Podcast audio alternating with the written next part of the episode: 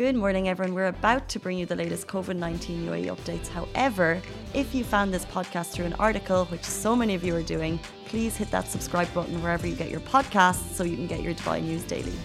Good morning, Dubai. How are you doing? Happy Monday. Welcome back to Lovin Daily, where I take you through all the stories that everyone in Dubai is talking about. We have a couple of COVID 19 updates, which I'm sure you're not shocked about. We're talking about a new testing which could actually take over from the nasal swab testing. And if you've tried that nasal swab testing, this could be music to your ears. We're also talking about a delicious Pinza pizza, which you can get right now until the end of the month for 20 dirham, which is a fantastic deal. And before we get into that, I do want to let you know that today's show is actually sponsored and brought to you by Pinsanity, which is a homegrown Dubai pizzeria who specialise in a delicious selection of wood fire oven baked pinzas. And for the entire month of September, that's right now until the very end of the month, you can get these pinzas for just 20 dirham. Now, while Pinza is the sponsor of this show, the opinions and statements are Love Lovin Dubai's. Uh, so I said we would jump straight into COVID 19 updates. The UAE yesterday recorded a huge number of recoveries in just 24 hours.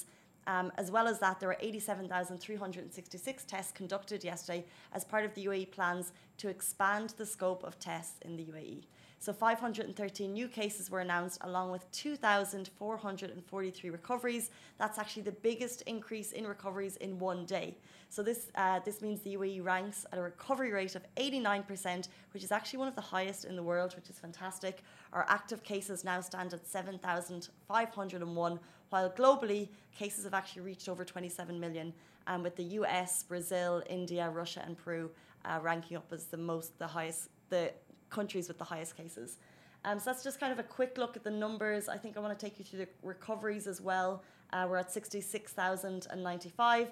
Total deaths, there were zero recorded yesterday, 388. So while I love to bring the good news that there's been a massive increase in recoveries, um, we're also seeing a lot more testing. It's always that reminder to just kind of stay safe, wash your hands, and avoid those social gatherings. Um, we'll move into our next story. We're talking about saliva testing could be an alternative to nasal swabbing. So, researchers from the Mohammed bin Rashid University of Medicine and Health Science, uh, Sciences, excuse me, that's MBRU, they completed a study into the effectiveness of saliva as an alternative to the nasal swab for COVID 19 screening. So, what they did was they took saliva and nasal swabs from 401 adults presenting for COVID 19. 50% of those were asymptomatic and the findings showed that saliva can be used for viral detection with 70% sensitivity and 95% specificity, um, proving that it's just as effective as the nasal swab. So, if this is approved, which is very cool, it could widen the scope for COVID 19 testing, simplify testing for people, reduce the risk of healthcare workers, as well as being a cost effective method of testing. So, basically, this is the type of test that we could do ourselves. I mean, no one's going to be ramming we've talked about this before. You haven't had the nasal swab, right? No, haven't. Yeah. if anyone, I've had it, and like I said on the show before, it didn't phase me too much. But if you've had it, is it something that you would never want to get again? So much so that uh, saliva testing would make you a lot happier. Um, I'm going to flick open the comments to hear your thoughts on it. Um, but like I said, it could be cost effective, a lot easier to carry out across the country.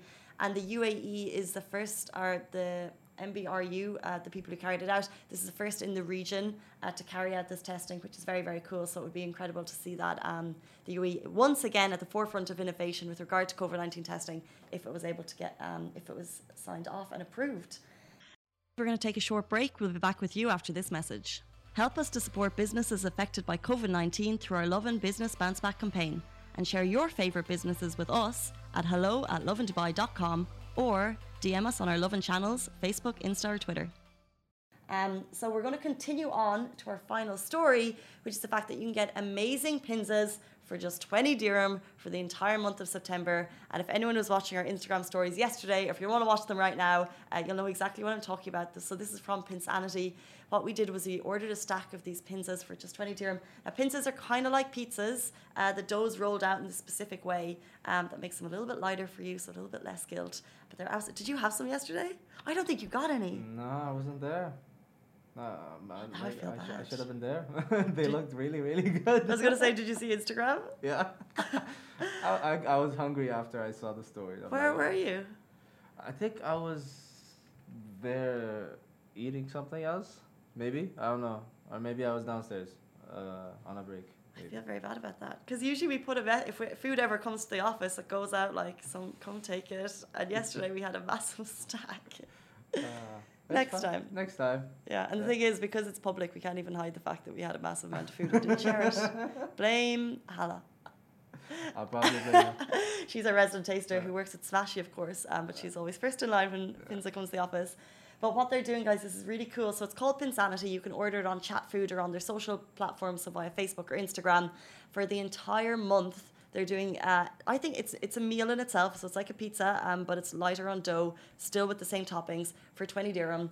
Um, and I love if I just can open it up quickly, like some of their names. So one is called the burrata. If you love burrata, each slice has a little lump of burrata on it, which is incredible. The truffle snuffle, if you like truffle oil, it's just like oozing in cheese and deliciousness. Um, and I just think 20 dirham is a fantastic, uh, fantastic deal available for the whole month. Um, so if you're looking for a cheap and cheerful uh, lunch, I was going to say snack, but it's definitely not a snack, for lunch or dinner, they also have amazing sides. So we got like chicken wings, which aren't included in the deal, but are really, really good. I would recommend the chicken wings. There's salads too. And they also have a little sweet treat at the end called the nut job, I'm which just getting hungry now. You're just gonna get me hungry. maybe I should describe the nut job. Do you like Nutella? Nutella? Yeah. As a, yeah, yeah. Who doesn't like Nutella? I actually not a massive fan of Nutella, but I had the nut job yesterday. Yeah, and I love everything, but Nutella is just a bit. Uh, I I think Nutella is one of those opinion dividers. maybe, maybe. But most of the people I met, like, they they love Nutella. But like, you're, you're the first person I met that doesn't like Nutella. Well, we had this conversation yesterday, and Petra also said she doesn't see the point of Nutella, and she's a bit like, Ah. Nutella, guys. I mean, and then we went into peanut butter, which I'm a huge fan of, and I could just eat peanut butter every single second of every Oh. single day. But Nutella, I would just give or take. I don't even see. It's not chocolate. It's not real. It's got hazelnut in it. Even though I like hazelnuts on their own. Mm. Anyway, Depends what you taste. guys, yeah, guys, let us know. Peanut butter, hazel, peanut butter, or Nutella. Nutella.